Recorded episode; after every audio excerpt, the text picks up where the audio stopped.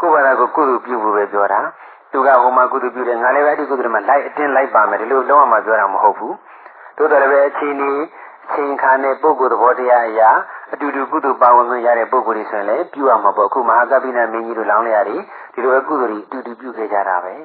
လူချင်းအတူတူပြုမှာမဟုတ်ဘူးသူများတွေဒါနပြုတိုင်းကြကိုယ်လည်းပဲကိုယ်မှလည်းဒါနကုသိုလ်ရှိနေရမယ်သူများမှသီလကုသိုလ်ရှိတယ်ဆိုကိုယ်မှလည်းသီလကုသိုလ်ရှိနေရမယ် သူများမှဝိပဿနာကုသိုလ်ရှိတယ်ဆိုရင်ကိုယ်မှလည်းဝိပဿနာကုသိုလ်ရှိနေရမယ်သူများတွေတရားအထုတ်တယ်ဆိုတာမျက်လုံးလေးပြုတူပြတဲ့နဲ့ကြောင်တောင်လေးကြည့်ပြီးငေးနေနဲ့ပြီးရမှာလားမပြီးရဘူးသူများတွေတရားဝင်ပြီးတော့တရားတွေအားထုတ်တယ်ဝိပဿနာဉာဏ်ကြီးဖြစ်ကြတယ်ဆိုရင်ကိုယ်ကလည်းဒုလဲလိုက်မယ်ချမ်းမထားနဲ့ကုသိုလ်ကဘယ်နှမျိုးတောင်ရှိတာတော့ပုံညာကရိယာဝတ္ထုဘယ်နှပါးတဲ့လဲ 10ပါးနော်သူများကဒါနပြုတဲ့ဟဲ့ဆိုရင်ကိုယ်ကလည်းဒါနပြုလို့သူများကသီလဆောင်နေတယ်ဆိုကိုယ်ကလည်းသီလဆောင်လို့ဒါနသီလဘာဝနာသူများဘာဝနာပေါ်တဲ့ဆိုကိုယ်ကလည်းဘာဝနာတွေပွားလို့ပြီးတော့အပစာယနာသူများကလူကြီးသူမတွေဒီလိုတည်တည်ရှိတယ်ဆိုကိုယ်ကလည်းလူကြီးသူမတွေဒီလိုတည်တည်လို့လို့သူများကအိယာဝင်မှမိဘကိုကြော့ပြီးအိတ်တယ်အဖိုးဖွားတွေကြော့ပြီးအိတ်တယ်တရင်ကြတယ်ဆိုရင်ကိုယ်ကလည်းအမိဘအဖိုးဖွားဦးကြီးဦးလေးတော်ကြီးတော်လေးအကိုမတွေကြော့ပြီး အိတ်လို့အဲ့ဒီလိုအတူလိုက်ရမှာနော်ဟိုသူကြောတဲ့ဖိုးဖွားသွားပြီးကိုယ်လည်းလိုက်ကြောမှပြောတာမဟုတ်ဘူးဝေယဝိဆာသူများကကုသိုလ်ကိစ္စတွေကိုယ်အားစိုက်ပြီးတော့ပြုလုပ်ဆောင်ရွက်လို့ဒီလိုကြားတဲ့ဆိုကိုယ်ကလည်းပဲကုသိုလ်ကိစ္စတွေပြုလုပ်ဆောင်ရွက်လို့သူတစ်ပါးကုသိုလ်ကိစ္စမှာကုလဲဝေယဝိဆာပါပဲကိုယ်ကုသိုလ်ကိုဆောင်ရွက်နေလေဝေယဝိဆာပါပဲအဲဖះပန်းကိုလဲတာတို့တတ်တော်ကြီးကတ်တာတို့ပန်းလူတာရေလူတာကတော့ဒါနပေါ့ပန်းဟိုလေးကိုတိုက်ဆွစီကြောတယ်ပန်းလေးတွေကိုရေလေးနဲ့စီတယ် အပြည့်နာစာလေးတွေဖယ်ရှားတယ်ကကြီးလေးနဲ့ညှက်တယ်ဒီလိုပန်းလေးကိုပြင်ဆင်နေတာကြတော့ဝေယဝိဆာတောက်တော်ကြီးရေလူတာကတော့ဒါနတောက်တော်ရေပဲကလေးကိုတတိထားရတန်းတန်းဆင်းဆင်းဖြစ်အောင်ဆေးကြောတန်းဆင်နေတာကြတော့ဝေယဝိဆာအဲ့တော့ဘယ်ကုသိုလ်မှမဆိုဝေယဝိဆာကကပ်ပါနေတာပါနော်တချို့ကြတော့လေဝေယဝိဆာမပါဘူးနဲ့ကဲဘာလူလိုက်ရှိဆိုပါဇက်ကပဲအမင်ပြလိုက်တာပေါ့ကိုကိုတိုင်ဝေယဝိဆာမလုပ်ဘူးဝေယဝိဆာကုသိုလ်ကလည်း တော်တော်အရေးကြီးတဲ့ကုသိုလ်ပါဟုတ်ကြားဘူးမှာပေါ့ပါရသိမင်းကြီးနဲ့ဟိုဥဒ္ဒရလူလင်လို့ဆိုတာလीနော်ပါရတိမင်းကြီးတနေ့လေးသိမ်းမောများစွာကုန်ကြခံပြီးတော့ဘုန်းကြီးတွေဆွမ်းကတ်တာပဲဒါပေမဲ့သူကတနေ့ကိုဘယ်နှသိန်းထုတ်ဆိုပြီးတော့အမိန့်မဲပေးထားတာဘန္နာဆိုးကပဲထုတ်ပေးတာဥဒ္ဒရာဆိုတဲ့လူတွေကသူကိုယ်တိုင်ပတ်စံထုတ်ဈေးဝယ်ချက်ပြုတ်ကိုယ်ကိုယ်တိုင်စီမံပေါ့လေနေရာတိုင်းဈေးလဲဝယ်ချက်တဲ့ချက်အဲ့လိုတော့မဟုတ်ဘူးပေါ့သူမဒီချက်တဲ့နေရာမှာကုညီဆောင်ရွက်လို့တန်ဃာတော်တွေဆွမ်းကတ်တဲ့နေရာမှာလည်းပဲ ကိုယ်တိုင်ကိုယ်ကြဝင်ပြီးတော့ဆက်ကတ်လို့ဝေယဝဆတွေလိုက်လုပ်ပြီးတယ်ပြီးတော့ဟိုမှာပါယတိမင်းကြီးကသတုမဟာတွေနတ်ပြည်ပဲရောက်တယ်ဟိုကတာဝရတဲ့နတ်ပြည်တောင်ရောက်သွားတာနော်ပတ်စံတစ်ပြားမှမကုန်မဲနဲ့နော်ဟိုပတ်စံကုန်တဲ့လူထက်တောင်အဆင့်မြင့်တဲ့ပုံရောက်သွားတယ်ကုသိုလ်ပူရတယ်စိတ်ကမှမတူတာဟိုကကဲတနေ့ကိုဘယ်နှသိန်းထုတ်ပေးလိုက်ဟေးလို့ပြောလိုက်တဲ့အခိုက်တန်လေးပဲသူကကုသိုလ်ရတာဟုတ်တနေ့ဘယ်လောက်ထုတ်ပေးလိုက်ဟေးလို့အမင်းပေးလိုက်တဲ့အခါမှာ အမင်းပေးလိုက်တဲ့အချိန်မဲ့ကုသိုလ်ရပါတယ်အဲ့ဒီပတ်စံကြီးထုတ်ထုတ်ထုတ်ထုတ်ပြီးတော့လှူနေတဲ့အချိန်မှာသူကဒီကုသိုလ်ကိုတတိမရဘူးနှလုံးမသွင်းမှုဆိုရင်လုံးဝကုသိုလ်မရပါဘူးနော်ကုသိုလ်ဆိုတာစိတ်မှဖြစ်တာပါစိတ်မှကိုတတိယပြီးကုသိုလ်ပွားနေမှာကုသိုလ်တရားတွေတိုးပွားလာတာပါဒါကြောင့်ဝေယဝဆလည်းပဲဝါသနာပါရမှာပဲနေရာတိုင်းလောက်ရမယ်လို့တော့မဆိုလိုဘူးပေါ့အချိန်ချင်းချင်းကကြည့်ရမှာ ဒါနသီလဘာဝနာပသယနာဝေယဝဆပြီးတော့ပါလေပฏิဒါနာကိုပြုတဲ့ကုသိုလ်တွေလည်းဒီမဲ့ဒီအပေါ်မှာမနှမြောမတွန့်တူပဲနဲ့ဝေငှလို့ပတ္တနုဘောဒနာသူများပြုတဲ့ကုသိုလ်တွေလည်းအမျှဝေဝေမဝေဝေတာတုခေါ်လို့ပေါ့ပြီးတော့ဓမ္မတဝနာတရားနာတာတရားစာဥဖတ်တယ်လည်းတရားနာတာပါပဲတရားဒီခွေနာလို့အခုလို့အရှင်လက်လက်ဟောတဲ့တရားဝေကြတော့လေအရှင်လက်လက်နာလို့ပေါ့နော် အဲ့လိုဓမ္မတဝနာတရားနာတဲ့ကုသိုလ်သူများဒီတရားဝဲသွားတယ်ဟိဆိုရင်ကိုယ်ကလည်းဒီလိုပဲတူလဲလိုက်မယ်ချမ်းမထမ်းနဲ့ဆိုပြီးတော့နာရမှာသူများတွေကတရားဝဲသွားတယ်ဆိုရင်ကိုကဟွန်ဆိုးကျွန်ဆိုးလေးနဲ့မခွဲနိုင်တာနဲ့တရားမနာတဲ့လူတွေလည်းမရှိဘူးလားရှိတယ်တော့ဒီနေ့တောင်ကံကောင်းလို့ဟွန်ဆိုးကျွန်ဆိုးနေမဟုတ်လို့နှမို့ဒီလောက်ပြီးတဲ့များမယ်မထင်ဘူးနော်အဲ့တော့ဓမ္မတဝနာ ကုသိုလ်သူများကတရားနာသွားတယ်ဆိုကိုယ်လည်းဝန်ဆောင်ကျုံစော်တွေအကုန်လုံးပြစ်ထားခဲ့တော့ထဲဆောက်တွေပါပြီးပြစ်ထားခဲ့တော့အဲ့ဒါဒုလဲလိုက်မဲ့ချမ်းမထားနဲ့ဆိုပြီးတော့ကုသိုလ်ကောင်းမှုတွေပြုရမှာဓမ္မတော်နာပြီးတော့ဓမ္မဒေသနာ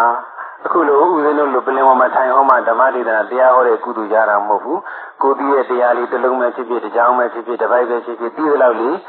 ကိုယ့်ရဲ့ မိတ်ဆွေတွေကိုပြန်ပြောပြတယ်ဆိုရင်ဒါလည်းတရားဟောတဲ့ကုသိုလ်ရတာပဲဓမ္မတော်နာဓမ္မတိဒနာနောက်ဆုံးဒိဋ္ဌိစုကံမှာအယူဝါဒကိုဖြောက်မှန်အောင်ထားတာကံကံရဲ့အကျိုးဆိုတာမရှိဘူးရှေ့ဘဝနောက်ဘဝဆိုတာမရှိဘူးဆိုတဲ့အယူမှားတွေကင်းပြောင်းပြီးတော့ရှေးဘဝနောက်ဘဝဆိုတာလည်းရှိတယ်ကံကံရဲ့အကျိုးတရားတွေဆိုတာလည်းရှိတယ်လို့ယုံကြည်တဲ့သဘောတရားကိုဒိဋ္ဌိစုကံမှာကုသိုလ်အဲ့ဒီလိုအဖြစ်ပေါ့ သူများတွေကုသိုလ်ဆယ်မျိုးပြုတိုင်းပြုတိုင်းကိုယ်ကလည်းဒုလဲလိုက်မယ်ချမ်းမထားနဲ့ဆိုပြီးတော့ကုသိုလ်ကောင်းမှုတွေပြုရမယ်ဒါကကုသိုလ်ဖြစ်ကုသိုလ်ဖြစ်ခွင့်ရှိတဲ့ပုဂ္ဂိုလ်အပြီးသေးကပြောရမယ်စကားနောက်ဒုလဲလိုက်မယ်ချမ်းမထားနဲ့ဆိုတဲ့စကားကိုဘယ်သူကပြောအောင်မှလဲဆိုတော့ကောင်းကျိုးချမ်းသာတွေကလည်းပြောအောင်မှကောင်းကျိုးချမ်းသာတွေကလည်းကုသိုလ်ရှင်တွေကိုပြောနေပါတယ်ဒုလဲလိုက်မယ်ချမ်းမထားနဲ့တဲ့ဒါပေမဲ့လူတိုင်းကိုတော့မပြောဘူး ကုသိုလ်ကောင်းမှုတွေကိုပူပူကဲကဲပြုလုပ်တဲ့ပုဂ္ဂိုလ်တွေကိုကောင်းကျိုးချမ်းသာတွေကလည်းပူပူကဲကဲပေးဖို့အတွက်ဒုလဲလိုက်မယ်ချမ်းမထားနဲ့လို့ပြောနေပါတယ်တာမန်ပြုရဆိုရင်လည်းတာမန်ကောင်းကျိုးတွေကလည်းဒုလဲလိုက်မယ်ချမ်းမထားနဲ့ဆိုပြီးတော့လိုက်တော့လိုက်တာပါပဲကုသိုလ်တွေဟာရိပ်ပမာလိုက်တယ်ဆိုတဲ့အတိုင်းကုသိုလ်လိုက်တဲ့ဆိုရင်ကုသိုလ်ရဲ့နောက်ကကောင်းကျိုးချမ်းသာတွေလည်းလိုက်တာပါပဲကုသိုလ်ကောင်းမှုတွေကိုသူများထက်ပူပူကဲကဲပြုခဲ့တယ်ဆိုရင်ကောင်းကျိုးတွေကလည်းပူပူကဲကဲလိုက်ကြတာပဲ တခြားမကြည့်တဲ့ဘဟုဝိတခာမင်္ဂလာဆောင်တော့ဖခင်ကနွားတွေပေးလိုက်တာကြားဘူးတယ်မလားကြားဘူးတယ်ဖခင်အဖေကသမီးတို့ဆိုပြီးတော့မင်္ဂလာလက်ဖွဲ့နေနဲ့ရွှေရင်းငွေတွေစသည်အချင်းတခြားပစ္စည်းတွေလည်းတရှိတဲ့မဲ့ပစ္စည်းတွေလည်းအများကြီးပေးလိုက်တယ်အဲ့ဒီထဲမှာနွားတွေလည်းပေးလိုက်တာပါတယ်ပေးလိုက်တော့နွားချန်တကားကိုဖွင့်ထားတယ်နွားတွေကိုထွက်ခိုင်းလိုက်တယ်ပေါ့ခွဲပြီးတော့သုံးခါဝုတ် အရှိပေါ့လေမိုင်အားဖြင့်ဟိုတယူဇနာ၈မိုင်နဲ့တွက်မယ်ဆိုတော့6မိုင်ပေါ့အရှိ6မိုင်အကျယ်က1မိုင်လောက်ရှိတဲ့နေရာကိုစီတာပြီးသတ်မှတ်လိုက်တယ်နေရာသတ်မှတ်လိုက်တယ်ခြံတကားဖွင့်ပြီးတော့အဲ့ဒီနေရာသတ်မှတ်ထားတဲ့နေရာရောက်တဲ့ဒီနွားတွေကိုမောင်းထုတ်အဲ့ဒီ6မိုင်နေရာလောက်ဒီနွားတွေလည်းအကုန်လုံးပြည့်ပြီလေဆိုရောနွားခြံတကားကိုပိတ်လိုက်တယ်ပိတ်လိုက်တဲ့အချိန်မှာနွားတွေကဒိုလဲလိုက်မယ်ခြံမထားနဲ့ဆိုပြီးတော့နွားခြံတကား ခြံစည်းရိုးတွေကိုခုံကြော်ပြီးတော့အကုန်လုံးလိုက်ကြတယ်။ဘာဖြစ်လို့လဲဆိုတော့ဝိသကပြုခဲ့တဲ့ကုသိုလ်တွေကလည်းပူပူရှန်ရှန်ကုသိုလ်တွေပြုခဲ့တာကိုကတ္တဗဘုရားရှင်လက်ထက်တုန်းကကြည်ကြည်မင်းရဲ့တမိတော်ခုနှစ်ဖော်ထဲမှာအငယ်ဆုံးသင်္ဃာဓာတိဆိုတဲ့မင်းသမီးဖြစ်ခဲ့ဘူးတယ်။အဲ့ဒီဘဝတုန်းကယဟန်တော်ကတ္တဗဘုရားရှင်လက်ထက်မှာဆိုတော့အလှူတွေပါပြီးပြင်ယဟန်2000ပေါ့လေ။ဦးဇင်းတို့ဂေါရမမြတ်စွာဘုရားရှင်ဆိုတော့တန်ခါ900အများအချင်းပေါ့ အဲ့ဒီမှာတော့တန်ခါ2000အဲ2000အဲ့ဒီမှာတန်ခါ2000ကိုပင်စဂေါရဒဒါနလို့ခေါ်တဲ့နောမဖြစ်တဲ့အရာသာ5မျိုးပေါ့လေနွားနူတို့ထောပတ်တို့ဒင်းချင်းတို့စသည်အချင်းအဲ့ဒီလိုနွားကနေဖြစ်တဲ့ဇဝေတောက်ဖွဲ့တွေလှူဒန်းတဲ့အခါမှာမထေကြီးတွေယဟန်တော်တွေကိုရင်တွေကတပိတ်ကိုပိတ်ပြီးတော့တော်ပြီးတော်ပြီးလို့တားမြစ်တဲ့ကြားတွေက ဒီဟာလေးကအင်မတန်ချုံမိပါတယ်ဖေ။ဒီဟာလေးကအင်မတန်ကောင်းမြတ်ပါတယ်ဖေ။ဒါလေးကဘလို့စီမံထားတာပါဖေ။ဒါလေးကဘလို့အကျိုးအာနိသင်ရှိပါတယ်ဖေနဲ့အလူခံကြအောင်ပြောပြီးတော့တပိတ်ကိုအတင်းဖွင့်ပြီးတော့အပူလှူခဲ့တယ်တဲ့နော်။ဟိုတော့ပါပြီတော့ပါပြီဆိုပြီးတော့တပိတ်ကိုအတင်းပိတ်တာတော့မရဘူး။ဒါလေးကဘလို့ကောင်းတာပါဖေ။ဆိုပြီးတော့သူကပူပူသားသားလေးလှူခဲ့တယ်တဲ့။တမ်းမြစ်တဲ့ကြားတွေကပူပူရှန်ရှန်လှူခဲ့တဲ့ကုသိုလ်ကောင်းမှုကြောင့် အခုဒီဘဝမှာလည်းပဲနွားတွေကိုခြံတကားပိတ်ပြီးတော့တော်ပြီးလို့တားမြစ်တဲ့ကြားတွေကနွားတွေကဒိုလဲလိုက်မယ်ခြံမထားနဲ့ဆိုပြီးတော့အတင်းလိုက်ကြပါတယ်တဲ့ခြံတကားပိတ်ပြီးမှနောက်ထပ်လိုက်တာကဟိုအားရှိတဲ့နွားအချီက6000နိုးထွက်နေပြီဖြစ်တဲ့နွားမက6000နွားပြူနွားပေါက်က6000 63ဒီ78နွားပေါင်းနောက်ထပ်36000လိုက်ကြပြန်အဲတသိန်း 8000လိုက်ကြပြန်နေတဲ့ဒိုးလဲလိုက်မယ်ဆံမထားနဲ့ဆိုတာသဘောပေါက်တယ်မလားကုသိုလ်ပြုစဉ်ကလေးကပူပူရှန်ရှန်နဲ့ကိုဟိုအလှခံပုဂ္ဂိုလ်ကတော်ပါပြီတန်ပါပြီလို့တားမြစ်နေတာတောင်မှမဟုတ်သေးဘူးအားမရသေးဘူးပူပူကဲကဲလေးရှူတဲ့အတွက်ကြောင့်ကျိုးပြီးတော့လေအကျိုးတရားတွေကဒိုးလဲလိုက်မယ်ဆံမထားနဲ့ဒိုးလဲလိုက်မယ်ဆံမထားနဲ့ဆိုပြီးတော့လိုက်ကြတယ် ကိုမျောမှန်းထားတဲ့ကောင်းကြီးချမ်းသာကဒီလောက်ပဲအဲ့ဒါမဟုတ်ဘူးကိုမျောမှန်းတာတဲ့ကိုပို့ပြီးတော့ကောင်းကြီးချမ်းသာတွေကရတယ်တချို့ကသူများတွေချမ်းသာနေတာတွေ့ရင်မနာလိုဘူးကိုယ့်တဲ့သားနေရင်မနာလိုဘူးသူများလိုပြည့်စုံခြင်းရင်သူများထက်ပိုပြည့်စုံခြင်းရင်သူများလိုကုသိုလ်ပြုရမှာပေါ့သူများထက်ပိုပြီးကုသိုလ်ပြုရမှာပေါ့အကျိုးတရားပါခြင်းနဲ့ဆိုရင်အကြောင်းတရားပါမှဖြစ်မှာ အကြောင်းတရားကြတော့ပါအောင်မလုပ်ချင်မဲနဲ့အကျိုးတရားကြတော့သူများတဲ့ပါခြင်းနဲ့ဆိုရင်သဘာဝကြပါမလားမသားခြင်းသဘာဝမကြဘူးခုတရားနဲ့ပြည့်တဲ့ကတာခြင်းလားမတာခြင်းလားတာခြင်းနဲ့တာခြင်းနဲ့ဆိုရင်အကျိုးတာခြင်းနဲ့ဆိုရင်အကြောင်းတာအောင်လုပ်ရမှာပဲမြတ်စွာဘုရားရှင်ဟောထားတဲ့တရားလေးတစ်ပုဒ်လေးရှိပါတယ်ရှင်သာရိပုတ္တရာမထေရမြတ်ကြီးကမေးလျှောက်လူဟောတဲ့တရားလေး ရှင်သာရိပုတ္တရာကလည်းယဟန်တကယဟန်မာရီများတာကိုသူ့ရဲ့ယဟန်တကယဟန်မာရီထဲမှာလည်းဂုံတယ်ကြီးအများကြီးရှိတယ်အများအဖြစ်တော့လေယဟန်တော်ကြီးရဲ့ယဟန်တကယဟန်မာဆိုတာကလည်းစီဝါရေးလုပ်တဲ့ဂုံတယ်တွေကပဲများတာကိုအဲ့တော့ဂုံတယ်လိုက်လေးလိုက်ကြည့်လိုက်တော့ရှင်သာရိပုတ္တရာမထေရမြတ်ကြီးကဂုံတယ်၄မျိုးတွေ့တယ်တချို့ဂုံတယ်ကြတော့အရင်ရှုံးတယ်အရင်တော့မရဘူးပေါ့နော်ကွဲတာပေါ့တချို့ဂုံတယ်ကြတော့ရှီမှန်းတော့မမြတ်ဘူး 30မြတ်ဖို့မှန်းတာ9ချက်ပဲမြတ်တယ်ပေါ့တချို့ဂုံတယ်ကြတော့ရှီမှန်းတော့ကွက်တိမြတ်တယ်တချို့ဂုံတယ်ကြတော့ရှီမှန်းထားတာတဲ့အစာပေါင်းများစွာပူပြီးတော့မြတ်တယ်ကုံတယ်လေးမျိုးဘာလို့များကွဲနေတာပါလဲပညာရာအသာဆုံးအမြတ်ဆုံးဣတရေယပုဂ္ဂိုလ်ဆိုပြီးမြဲတပိဋကဉာဏ်တော်ပိုင်းရှင်မဟုတ်တော့မခွဲခြမ်းမဝေဖန်နိုင်ဘူးအဲ့ဒါနဲ့မြတ်စွာဘုရားရှင်ကိုလျှောက်တယ်ရှင်ဗျာတပည့်တော်ရဲ့တရားဓမ္မတွေထဲမှာဒီလိုပဲကုံတယ်လေးမျိုးကွဲခြားနေပါတယ်ဘာလို့ပါလဲအကြောင်းရင်းကဘာပါလဲ အဲ့ဒီမှာမြတ်စွာဘုရားရှင်ကသူတို့ရဲ့ကံဤမတူညီကြလို့ပဲ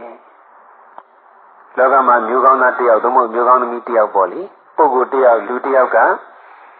သမဏဗြဟ္မဏလို့ခေါ်တဲ့ယဟန်ပုံနာတွေပုံနာဆိုတာကသူတော်ကောင်းပုံနာတွေကိုပြောတာပါလူရင်းကတော့သူတော်ကောင်းယတိယဟန်တွေပေါ့လေသူတို့သာသနာတွင်ဆိုရင်တော့သာသနာတွင်ယဟန်ပေါ့ဘုရားသားတော်ယဟန်ပေါ့သာသနာပဆိုရင်တော့ယတိယဟန်ပေါ့ အဲ့လိုသူတော်ကောင်းယတိယဟန်ပုဂ္ဂိုလ်ကြီးသူတော်စင်ပုဂ္ဂိုလ်တွေနဲ့တွေ့တဲ့အခါမှာတပည့်တော်ကိုပစ္စည်းလေးပါးတကားဖြစ်နေအတိမတ်ပြုတော်မူပါအရှင်မြတ်လိုအပ်တဲ့ပစ္စည်းတွေပါတပည့်တော်စီအလှခံတော်မူပါဆိုပြီးတော့လျှောက်ထားတယ်တဲ့လျှောက်ထားပြီးတော့လျှောက်ထားပေမဲ့အလှခံယဟန်ပုံနာကအလှခံယတိယဟန်ကဘာလေးလူချင်ပါတယ်လို့အလှခံလို့ရှိရင်မလှူဘူးတဲ့လုံးဝကိုမလှူတာတဲ့နော် ဟိုအားချောင်တဲ့လူလူပြောမှာပေါ့ပါဇက်ကအားချောင်ပြီးတော့ပစ္စည်းလေးပါလူရှိရင်လူခံတော်မူပါဖေ။ပြောပြီးတော့တကယ်ဟောလည်းပစ္စည်းလေးပါ၄ပါးလုံးလည်းလို့မဟုတ်ပါဘူးတခုခုအလှခံတဲ့အခါမလှူပစ္စည်းလေးပါဆိုတော့သိတယ်နော်ဘာတွေတော့ဒကာကြီးတွေပဲပြောသိလိုက်စင်နေမပြောနဲ့ဟောမဆိုးပါဘူးနော်အုံးလည်းနွားလေးထားခဲ့တာထားခဲ့တာမျိုးမဖြစ်တော့ဘူးနော်မင်းတချို့ကဘယ်လိုထင်လဲဆိုတော့ တချို့ဒကာတယောက်ကရှောက်တယ်လေဒကာရောဒကမရောပါပဲတပိတော့ပစ္စည်းလေးပါတပြိုင်တည်းလှူလို့ရလားတဲ့ညီမပစ္စည်းတွေပါဒီဇိုင်းနဲ့ဟိုတရက်ကိုတမျိုးတူတူရမယ်ထင်တာပေါ့လေတရက်ထဲတစ်ခါတည်းလူကြလာတယ်ဘာဖြစ်လို့မေးတာလဲပစ္စည်းလေးပါဆိုတာဘာလို့ထင်လို့တုံးဆိုတော့သင်္ကန်းရယ်ထီးရယ်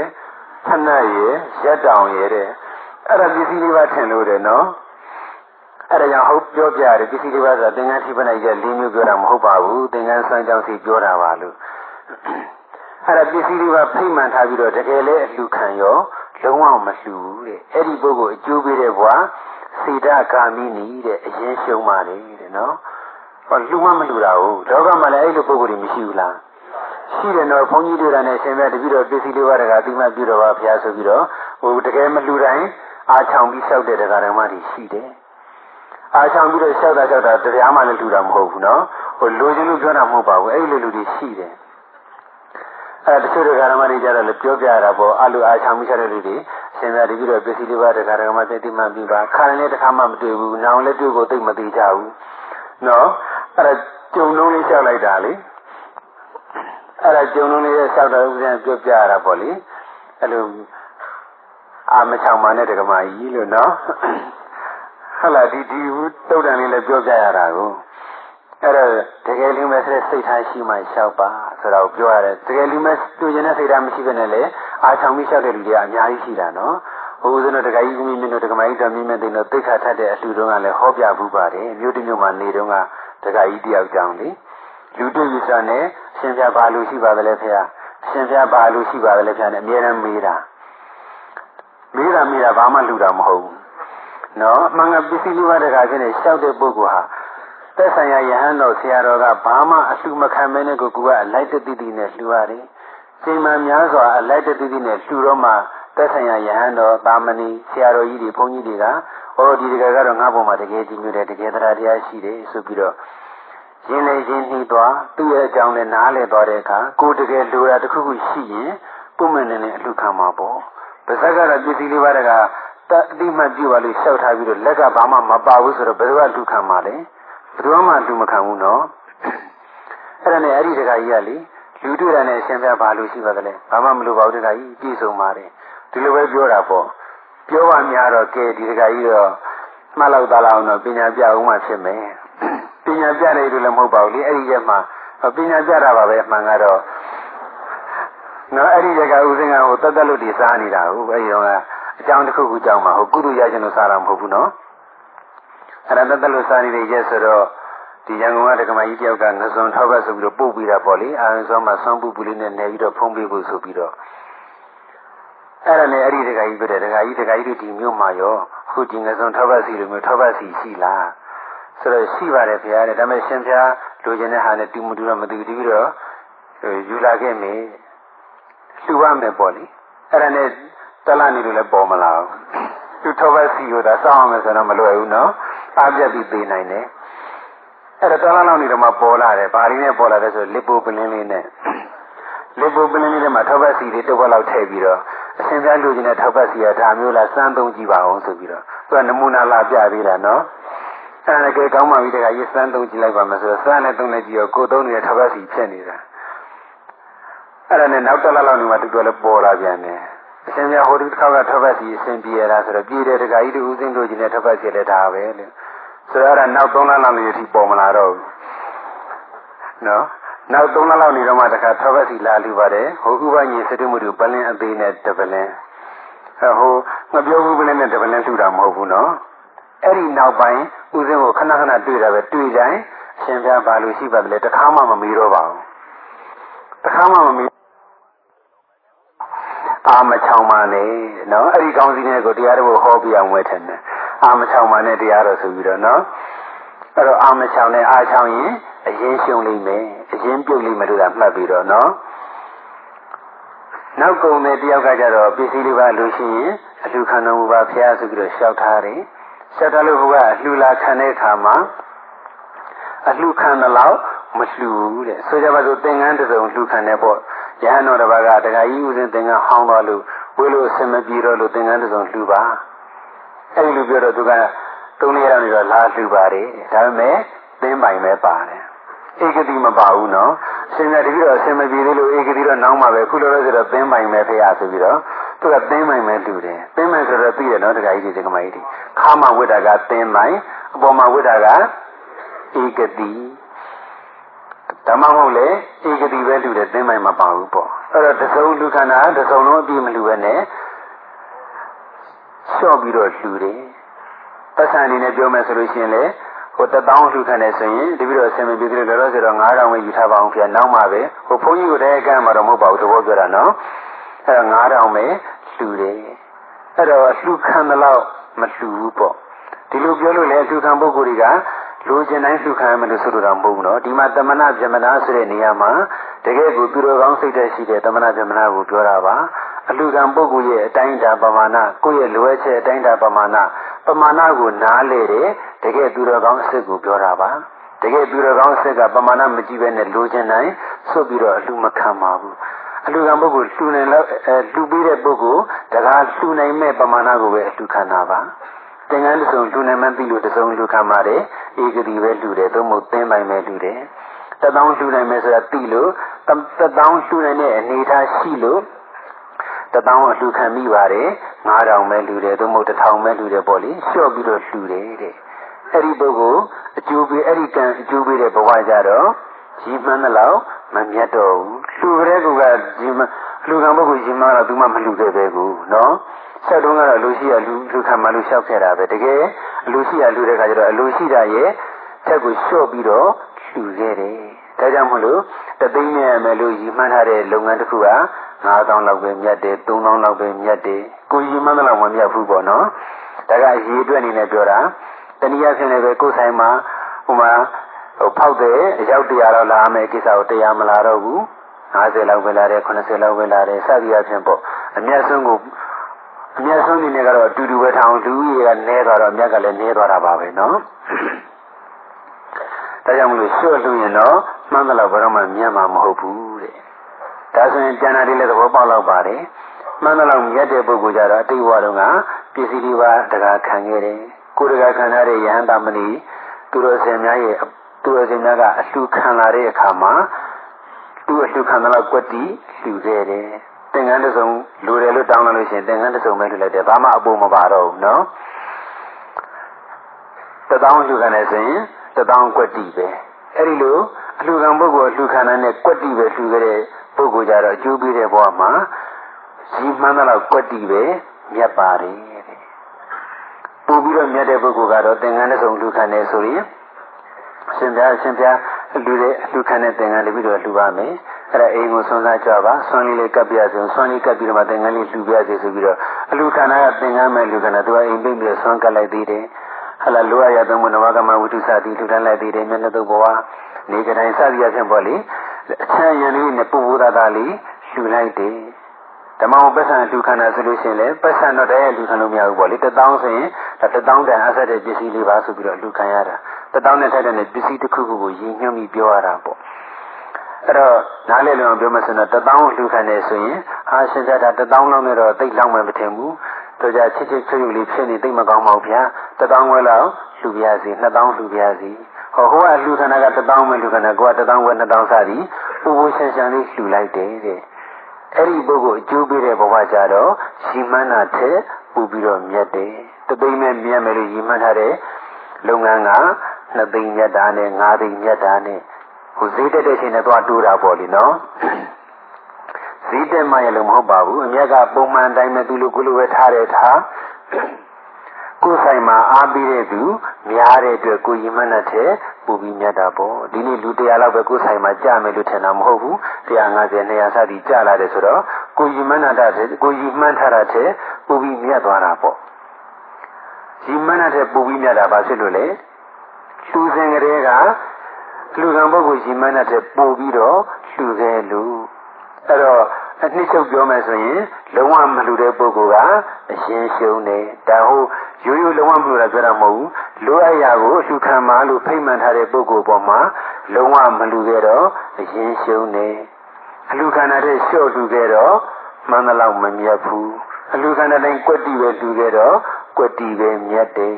အလူခန္ဓာတဲ့ပုဂ္ဂိုလ်သားသားကဲကဲမောက်မောက်ကလေးလူခဲ့တော့ရည်မှန်းထားတာတဲ့ပို့ပြီးတော့မြတ်တယ်ခုနဝိသခါရုလို့ပေါ့နော်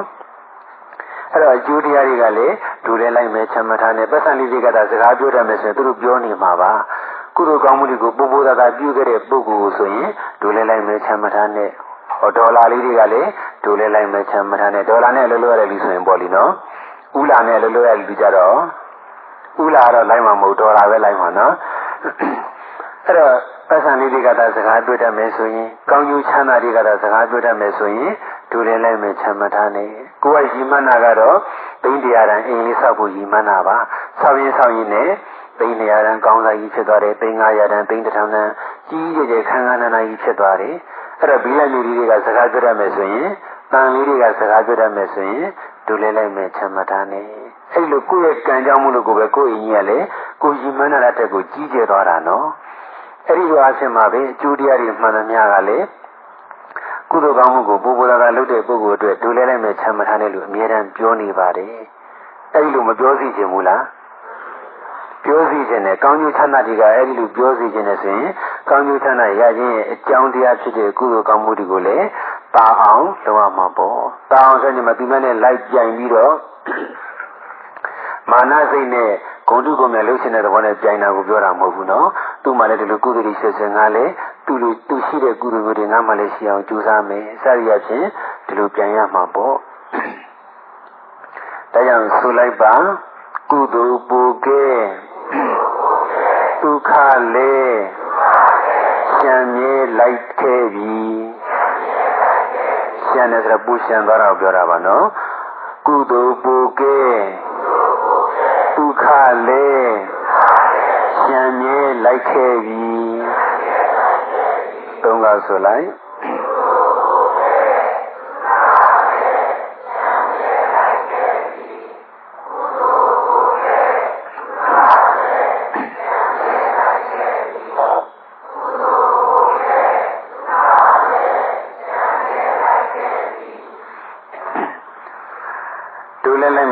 ထား နဲ့ဆိုတဲ့စကားကိုပထမဆုံးပြောတာကမိမိကိုယ်တိုင်မိမိကိုယ်တိုင်ကပြောရမှာဒုတိယပြောတာကကောင်းကျိုးချမ်းသာတွေချမ်းသာဆိုတာဒုက္ခရဲ့နာမည်ပဲလို့မြတ်စွာဘုရားဟောထားပါတယ်ချမ်းသာကောင်းမှုမရှိရင်ချမ်းသာမရှိကောင်းမှုရှိမှချမ်းသာရှိတယ်ကောင်းမှုနည်းနည်းရှိရင်ချမ်းသာနည်းနည်းရှိမယ်ကောင်းမှုအလေလက်ရှိရင်ချမ်းသာအလေလက်ရှိမယ်ကောင်းမှုအများကြီးရှိရင်ချမ်းသာအများကြီးရှိမယ် ကောင်းမှုတွေပူပူကဲကဲရှိရင်ချမ်းသာတွေလည်းပူပူကဲကဲရှိမယ်။ဒါကြောင့်ချမ်းသာတွေပူတာခြင်းနဲ့ဆိုရင်တော့ကောင်းမှုတွေလည်းပူတာအောင်ပြုလို့ရမှာပေါ့။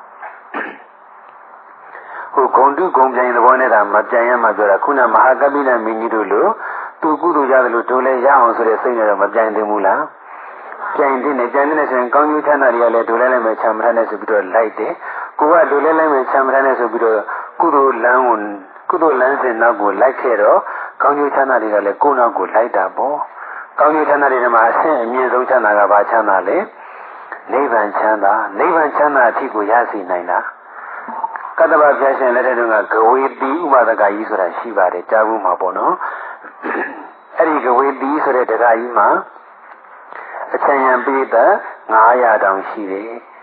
သူကခေါင်းဆောင်ပေါ့လေ တနည်းကြတော့ဂဝေတိကစဉ်းစားတယ်တရားကြီးကစဉ်းစားတယ်ငါဟာဥပဒက900ရဲ့ရှိသောကောင်းဆောင်ဖြစ်တယ်ဒါပေမဲ့သူတို့လည်း၅ပါးသီလမလုံးဘူးငါလည်း၅ပါးသီလမလုံးဘူးသူတို့ရဲ့ကောင်းဆောင်ဖြစ်နေပြီးတော့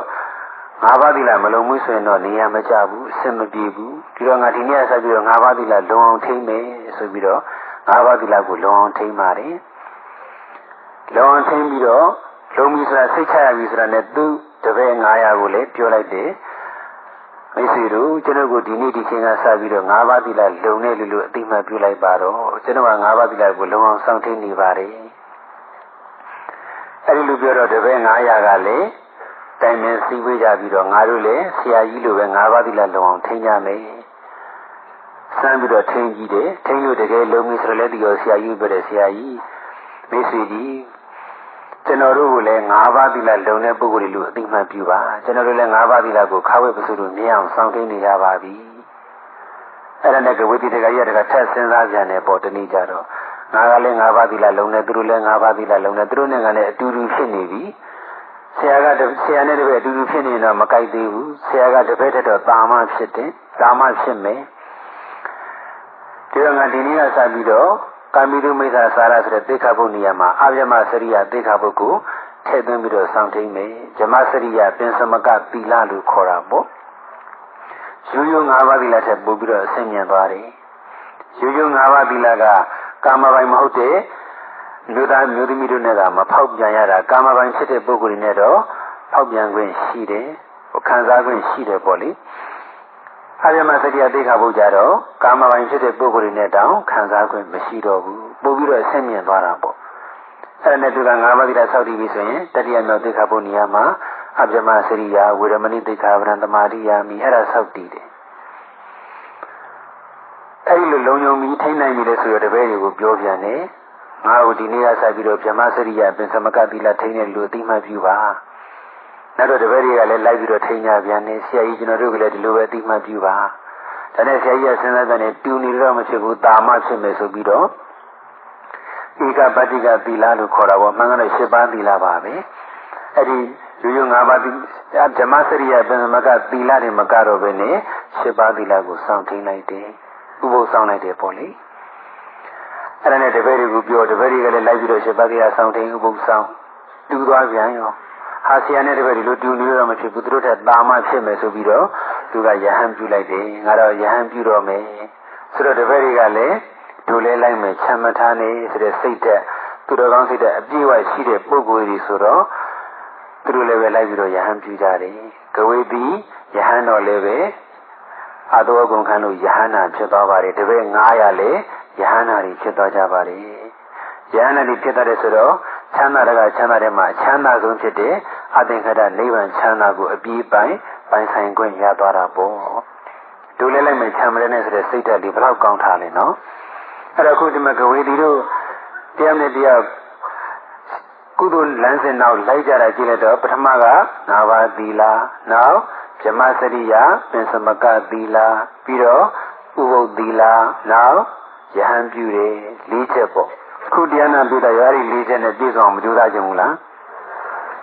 ကြိုးစားခြင်းကြိုးစားရမှာတစ်စက်နဲ့တစ်စက်မြင်တဲ့မြင်မှာပေါ့ခုချက်ချင်းဘုန်းကြီးဝဲရမယ်လို့မဆိုလိုပါဘူးခုချက်ချင်းပြီးလိုက်ရှင်ဝဲရမယ်လို့မဆိုလိုပါဘူးနော်ငါးပါးပြီးတာရောအနည်းဆုံးလောအောင်မထိန်နိုင်ဘူးလားထိန်တယ်တယ်ထိန်ရောထိန်ရရဲ့လားတခါတည်းရလားအမြဲလား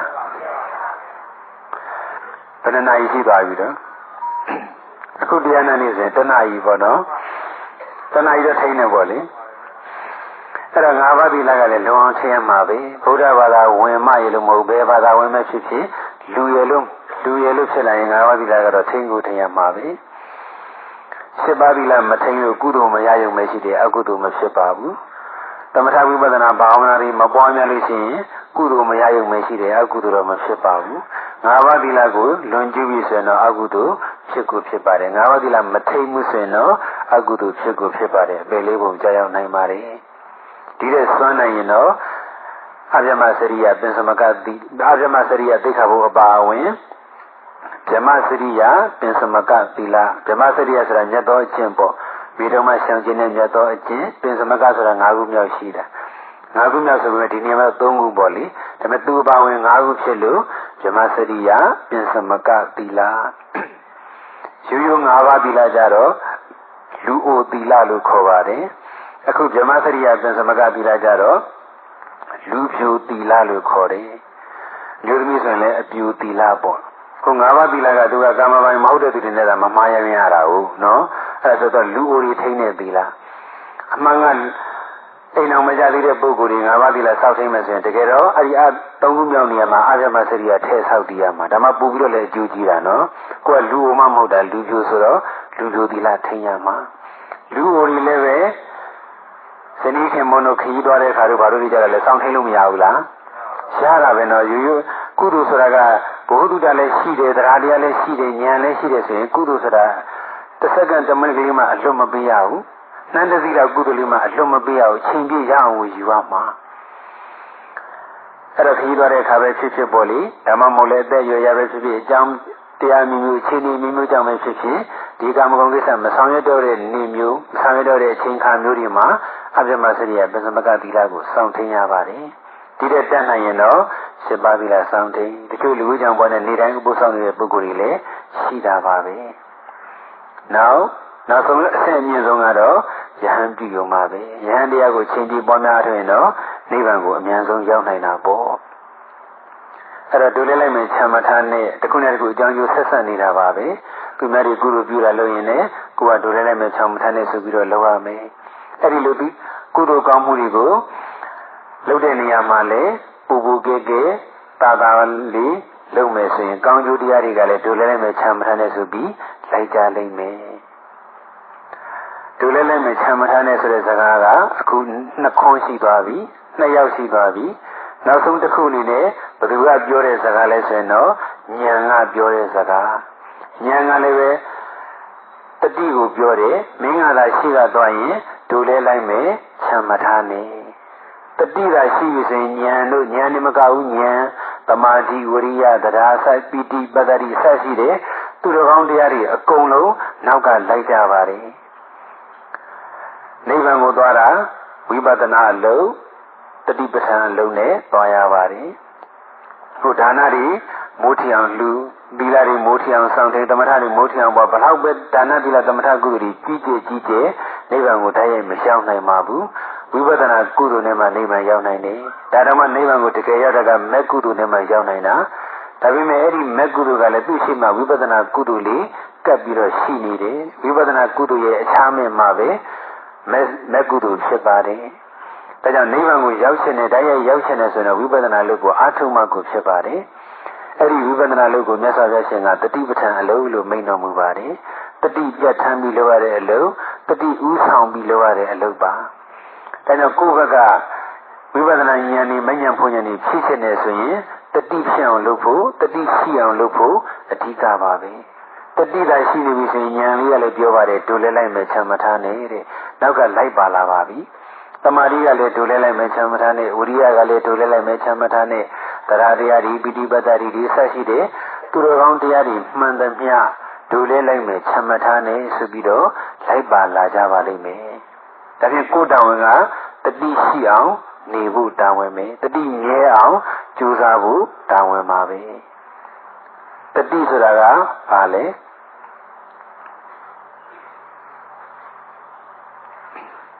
တတိဆိုတာတတိပဲလို့ပြောမြန်မာစကားလိုပြောနေကြတော့ တတိဆိုရင်ရုပ်တည်မသိတော့ဘူးအမှတ်ရတယ်တဲ့ကဲဘယ်သူ့အမှတ်ရတာတော့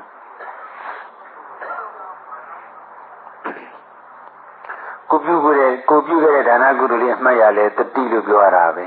ကိုချစ်တဲ့သူတတိရတော့လေနာမည်ကတတိရတယ်လို့ပြောနေတာအောင်နော်ဒါပေမဲ့အဲ့ဒီကိုချစ်တဲ့သူကိုခင်တဲ့သူတွေကိုကိုဆွဲလိုက်ရတဲ့ပုဂ္ဂိုလ်တွေကိုတတိရတယ်ဆိုတာကမြမစကားနေတဲ့တတိရတယ်လို့ပြောပေမဲ့ဟိုတတိတော့မဟုတ်ဘူးနော် ဟိုနိဗ္ဗာန်အကြောင်းတရားတွေကတတိမဟုတ်ဘူးဒါနကုသိုလ်တွေသီလကုသိုလ်တွေသမထကုသိုလ်တွေတတိရတယ်ဆိုလည်းတတိလို့ပြောပြီးမယ်ဟိုဝိပဿနာနယ်ပယ်ကတတိတော့မဟုတ်သေးဘူးတတိကအာယုံကိုအမှတ်ရတဲ့သဘောလေးပဲအာယုံကလည်းပညာအာယုံပရမအာယုံလို့ရှိတာပေါ့ပညာအာယုံရတဲ့တတိကြတော့သမထတတိပေါ့ရိုးရိုးကုသိုလ်တတိပေါ့ ပရမအာယုံရတဲ့တတိကြတော့အမှတ်ရတဲ့တတိကြတော့ဝိပဿနာတတိပေါ့တတိပဋ္ဌာန်တတိပေါ့မဲ့ခင်ထိုက်တဲ့တတိမျိုးပေါ့တတိကလောလောကူကူမှတ်မယ်ဆိုရင်နှစ်မျိုးရှိပါတယ်ခလုံးမတိသုမညိတတိရဲ့အဟုတ်တိအထူးတိတတိရဲ့ကာယံကာယံလို့ပြောတာပေါ့ခလုံးမတိသုမညိတတိဆိုတာကတော့လမ်းသွားတဲ့ကခလုံးမတက်အောင်လည်းတတိမထားဘူးလား တတိထားတယ်စူးတွေပါတွေမညိအောင်လည်းတတိမထားဘူးလားအဲ့ဒီလိုခလုံးမတိအောင်စူးမညိအောင်ထားတဲ့တတိကတော့ဟိုဝိပဿနာတတိတော့မဟုတ်ဘူးနော်ဒါပေမဲ့လည်းတမ္ပဇင်ည၄ပါးနဲ့ကြည့်မယ်ဆိုတော့တပ္ပယတမ္ပဇင်တို့တတ္ထကတမ္ပဇင်တို့ဒါတွေတော့ဖြစ်မှာပေါ့လေဒါပေမဲ့ဓာတ်ရိုက်ဟိုတတိတော့မဖြစ်သေးဘူးဝိပဿနာဉာဏ်ကိုဖြစ်စေတဲ့တတိမျိုးတော့မဟုတ်သေးဘူး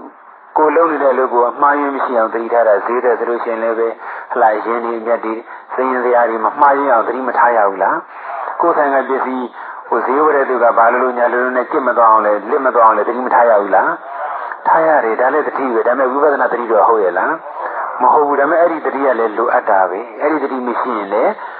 ဆင်းရဲဒုက္ခတွေဖြစ်မှာပဲတမာတိမရနိုင်ဘူးဒါကြောင့်ကိုလုပ်နေတဲ့လုပ်ငန်းကိစ္စလေးတွေမှာသွားရလာတဲ့ကိစ္စအပါအဝင်ပေါ့လေအသေးအမကိစ္စကစလို့ကြီးကျယ်ကိစ္စတွေအထိ ကိုလုပ်နေတဲ့လုပ်ငန်းကိစ္စတွေအမှားယွင်းမရှိအောင်တတိထားတဲ့ခလုံးမတိစုမညိတတိလေးပဲရှိရမှာပဲအဟုတ်တိအထူးတိတတိဆိုတာကတော့လက်ရှိဖြစ်နေတဲ့ရုပ်သဘောနာမ်သဘောပရမတ်သဘောလေးတွေကိုအရှိတိုင်းသိနေတဲ့တတိရုပ်သဘောနာမ်သဘောပရမတ်သဘောလို့ဆိုပေမဲ့စစချင်းတော့ယုံနာပရမတ်ကိုမသိနိုင်သေးပါဘူးပထမတော့ ပညာကိုပဲသိနေအောင်မှာပါပဲတဖြည်းဖြည်းနဲ့တတိသမารီတတိယကောင်းလာလို့နောက်ကတမာရီဉာဏ်တွေကဒုလဲလဲမဲ့ခြံမရနဲ့ဆိုပြီးတော့လိုက်လာလို့အဲ့ဒီတတိသမารီဉာဏ်တွေအားကောင်းပြီဆိုတော့မှယုံတော်နံသဘောပရမတ်သဘောတွေကိုထင်ထင်ရှားရှားသိလာတာပါဆိုတော့လမ်းလျှောက်တယ်ပဲဆိုပါတော့လမ်းလျှောက်လို့လှမ်းနေလှမ်းနေနဲ့မှတ်နေလို့ရှိရင်ပထမတော့ခြေတော်ဆိုတဲ့ပညာတွေကျမ်းမြင့်ဆိုတဲ့ပညာတွေထင်နေဦးမှာပေါ့ ဒါပေမဲ့တတိကိုဆွဆွမြင်မြင်နဲ့အားထုတ်သွားတဲ့အခါကျတော့နောက်ကတမာရီတို့ဉာဏ်တို့ကလည်းဒုလဲလိုက်မဲ့ချမ်းမထမ်းတဲ့ဆိုပြီးတော့လိုက်လာတယ်။လိုက်လာတော့တဖြည်းဖြည်းနဲ့ခြေတော်ပညာတွေကျမ်းမြင့်ပညာတွေပြောက်ပြီးတော့ရွေးရှားမှုသဘောလေးတွေထိမှုသဘောလေးတွေပူမှုအေးမှုသဘောလေးတွေပြီးလာတယ်။ခြေတော်ပညာကျမ်းမြင့်ပညာတွေလုံးဝပြောက်သွားတယ်။တမျိုးတစ်ပုံဖောက်ပြန်ပြောင်းလဲနေတဲ့ရုပ်သဘောအာယုံကိုတီးတီးပြီးတော့ကိုင်းညွတ်နေတဲ့နာမ်သဘောအဲ့ဒီရုပ်သဘောနာမ်သဘောလေးတွေကိုတဖြည်းဖြည်းပြီးလာပါတယ်။ တတိယကိုဆွေးမြဲတဲ့ဆွေးမြောင်ဆက်ကြည့်သားလို့တမာရီအာဒီညာအာဒီကနောက်ကလိုက်လာပြီးအစင်တန်းလေးမြင်လာပြီးဆိုရင်တော့အဲ့ဒီယုံနာနေရဲ့ဖြစ်လိုက်ပြလိုက်ဖြစ်လိုက်ပြလိုက်တစ်ခုဖြစ်တစ်ခုဖြစ်ဖြစ်ပြနေတာဒီပါမြင်လာတော့တာပါပဲတတိရှိရမယ်တတိထားမယ်ဆိုလို့နာသီဝတတိကပြီးတော့ဒီအာယုံတစ်ခုတည်းမှာပဲထားမှာမဟုတ်ဘူးတမထကမ္မထံပေါ်တဲ့ပုဂ္ဂိုလ်ကတော့ ကိုယ်စိတ်ကြိုက်သမထကမ္မထံရဲ့အာယုံတစ်ခုတည်းကိုပဲဆွဆွမြဲမြဲပွားရမှာပေါ့အာနာပါနကိုသမထမူဇနဲ့ရှိတဲ့ပုဂ္ဂိုလ်ကလည်းဝင်ထွက်လေကလည်းဘာမှကိုဘယ်မှာမှအာယုံစိတ်စိတ်ထားစရာမလိုဘူးဖေဗုဒ္ဓနုဒတိဘုရားဂုဏသမထပွားတဲ့ပုဂ္ဂိုလ်ကလည်းကိုပွားများနေတဲ့ဂုဏတော်တစ်ခုတည်းမှာပဲစိတ်ကိုထားရတယ်မေတ္တာပို့တဲ့ပုဂ္ဂိုလ်ကလည်းကိုပို့နေတဲ့ကိုမေတ္တာပို့နေတဲ့အပုခံအာယုံစီမှာပဲစိတ်ကိုထားရတယ် ကတိုင်းရှိတဲ့ပုဂ္ဂိုလ်ကလည်းကိုရှုနေတဲ့ကတိုင်းအာယုံတစ်ခုတည်းမှာပဲစိတ်ကိုဆွဲမြဲအောင်ထားရတယ်တတိဆွဲမြဲအောင်ထားရတယ်ဝိပဿနာတတိကြတော့အဲ့လိုတစ်ခုဆိုတစ်ခုတည်းမဟုတ်ပါဘူးဒါဒီက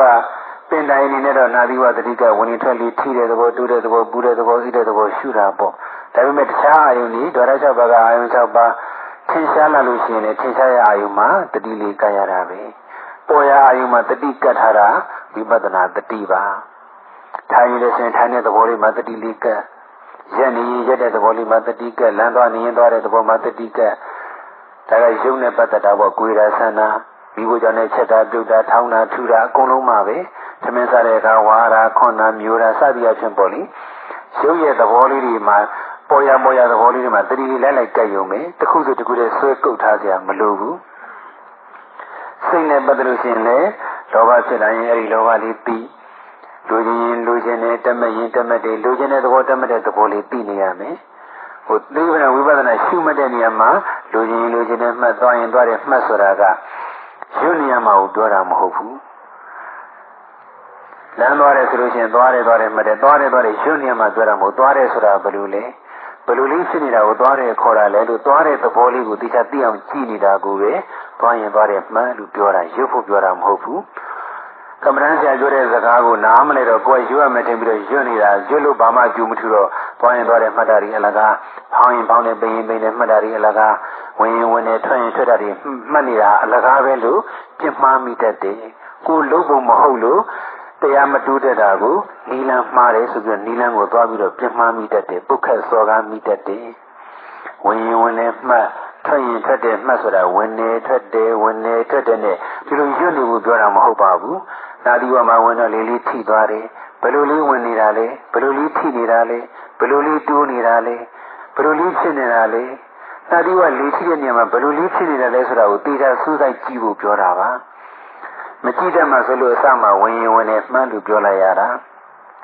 ထွက်ရင်ထွက်တယ်မှန်းလို့ပြောလိုက်ရတယ်အမှန်ကတော့ထိမှုသဘောတိုးမှုသဘောလေးကိုအရှိရှိတိုင်း သိအောင်ကြည့်နေရုံပါပဲစိတ်ဆိုဒီမဆိုဘဲနဲ့ကြည်ုံလေးကြည်နေတဲ့အဆင့်ရောက်သွားပြီဆိုရင်ဘာမှဆိုကြမလို့တော့ဝင်နေထွက်တယ်ဝင်တိုင်းထွက်တိုင်းလေးလေးထိနေတာတိုးနေတာလေးကိုသိချာစိတ်ကလေးစူးစိုက်ပြီးတော့ကြည်နေရုံပါပဲပထမတော့နှာခေါင်းပြည့်ရက်ဒီလေးပညာတည်ရှိနေဦးမယ်ရှိရင်ရှိရင်နဲ့တတိလမှာညာကဒူလဲလိုက်မှချမ်းမနဲ့ဆိုပြီးလိုက်လာလို့တတိသမารီညာအားဒီကောင်းသွားပြီဆိုရင်တော့ နှာခေါင်းပညာတည်လေးပညာတည်ပြောက်သွားပြီးတော့ထိမှုသဘောတက်တဲ့ဒူးမှုသဘောတက်တဲ့တူမှုအေးမှုသဘောတက်တဲ့ကိုမြင်သွားပြီအဲ့ဒီသဘောတက်တဲ့ကိုပဲတတိနဲ့ဆက်ပြီးတော့ရှိရှိရှိရှိသွားမယ်ဆိုရင်တစ်ခုဖြစ်လိုက်တစ်ခုပြက်လိုက်တစ်ခုဖြစ်လိုက်တစ်ခုပြက်လိုက်ပြီးသွားမှာပါပဲ။လူကျင်တဲ့စိတ်ပေါ်ရင်လူကျင်တဲ့လူကျင်တဲ့လူကျင်တဲ့လို့ရွတ်နေဖို့ပြောတာမဟုတ်ဘူးဘလို့လူကျင်တဲ့သဘောဟာဘလို့လဲလို့ကြည့်ရမှာစိတ်ဆိုးရင်စိတ်ဆိုးတယ်စိတ်တူရင်စိတ်တူတယ်မှတ် ရွတ်နေဖို့ပြောတာမဟုတ်ဘူးစိတ်ဆိုးတဲ့သဘောကဘလို့လေးလဲဘလို့လေးဖြစ်နေတာကိုစိတ်တူတယ်ခေါ်တာလဲစသည်အချင်းစိတ်မှာဖြစ်နေတဲ့ဒေါသသဘာဝလေးကိုကြည့်ရမှာအဲ့လိုကြည့်လိုက်မယ်ဆိုရင်တဖြည်းဖြည်းနဲ့ငါစိတ်တူနေတာငါဒေါသဖြစ်နေတယ်ဆိုတဲ့ပညာဆွဲတွေပျောက်ပြီးတော့ဒေါသရဲ့သဘောတသက်ကိုသိသွားပါလိမ့်မယ်တတိသမารီညာအားကြီးကောင်းလာပြီဆိုရင်တော့ဖြစ်ပျက်ကိုမြင်ဖြစ်ပျက်နေတဲ့ညာအားကြီးအထက်ထက်ရောက်သွားရင်တော့မဖြစ်မပြက်ကိုမြင်ပါလိမ့်မယ်မဖြစ်မပြက်ဆိုတာနိဗ္ဗာန်ပါပဲ နိဗ္ဗာန်ကိုမြင်တာမဉ္ဇဉ်ပါပဲဒါကြောင့်ဆိုလိုက်ပါတတိမြဲလင်းညာအားဝင်မဲ့ပင်လိုက်တော်သည်တတိမြဲလင်းညာအားဝင်မဲ့ပင်လိုက်တော်သည်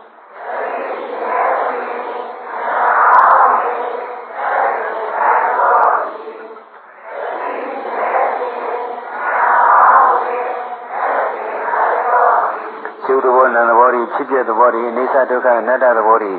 သိအောင်ဆိုပြီးတော့စာရရတွေကြက်ပြီးတော့ဒီလိုနှလုံးသွင်းဆင်ခြင်ရှုနေကြမလိုပါဘူးတဲ့ပေါ်ရပေါ်ရအာယုံလေးတွေရုပ်အာယုံနာအာယုံလေးတွေကမှတတိမြဲနေတာကြည့်နေပါတတိကမြဲနေပြီဆိုတော့ဝိပဿနာဉာဏ်တွေကဒူလဲလိုက်မယ်ချမ်းမထားနဲ့မဉ္ဇဉ်ဖူဉဏ်တွေကဒူလဲလိုက်မယ်ချမ်းမထားနဲ့နိဗ္ဗာန်ချမ်းသာကြီးက ဒူလဲလိုက်မယ်ချမ်းမထားနဲ့ဆိုပြီးတော့တတိပိုင်ရှင်ရဲ့နောက်ကနေကောက်ကောက်ပါအောင်လိုက်လာပါလိမ့်မယ်ဒါကဉာဏ်တမာတိဉာဏ်အစရှိတဲ့အဆင့်မြင့်လောကုတ္တရာတရားတွေကတတိကိုသို့မဟုတ်တတိပိုင်ရှင်ကိုပြောနေတာပါတူလဲလိုက်မယ်ချမ်းမထားနဲ့မင်းတော်ဝင်ကတော့တတိငဲအောင်သာကြိုးစားသမှာကွာမင်းသာတတိငဲနေပြီမင်းသာ အချိန်တိုင်းအာယုန်တိုင်းမှာတတိရှိနေပြီဆိုရင်တို့ကလိုက်လာမှာပါစိတ်သာချပါတဲ့ဒါကြောင့်ဘုရားနာပိတ္တရဲ့တာဝန်ကတတိငဲအောင်ကြိုးစားဖို့တာဝန်ပါပဲအာယုန်တိုင်းမှာတတိငဲအောင်ကြိုးစားအားထုတ်နိုင်ကြပါစေအားထုတ်နိုင်ရတဲ့အတိုင်းလေးပဲဝိပဿနာဉာဏ်ကြီးဆင်းဆင်းတဲ့မဉ္ဇဉ်ဘုံဉာဏ်တွေဆင့်ဆင့်တက်ပြီးတော့နိဗ္ဗာန်ချမ်းသာကိုဒီဘဝဒီခန္ဓာနောက်ဆုံးဖြစ်နေမျက်မှောက်ပြုနိုင်ကြပါစေလို့ဆုမွန်ကောင်းတောင်းရင်းနဲ့ ဦးဇင်းတို့ရဲ့ဒိုလဲလိုက်မယ်ချမ်းမထားတဲ့တရားတော်ကိုဒီနေရာမှာပဲညီကုံချုပ်ပါတော့မယ်တရားနာပိသများအားလုံးလက်ဥချီထားကြပါအရေးကြီးဆုံးစကားတစ်ခုနဲ့တရားညီကုံချုပ်ပါမယ်အပမဒီနာတံပါတိတာ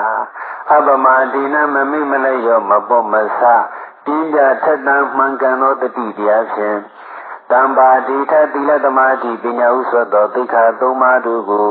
ကိုယ်စီကိုယ်ငါပြည့်စုံအောင်ကြိုးစားအားထုတ်နိုင်ကြပါစေကုန်သတည်း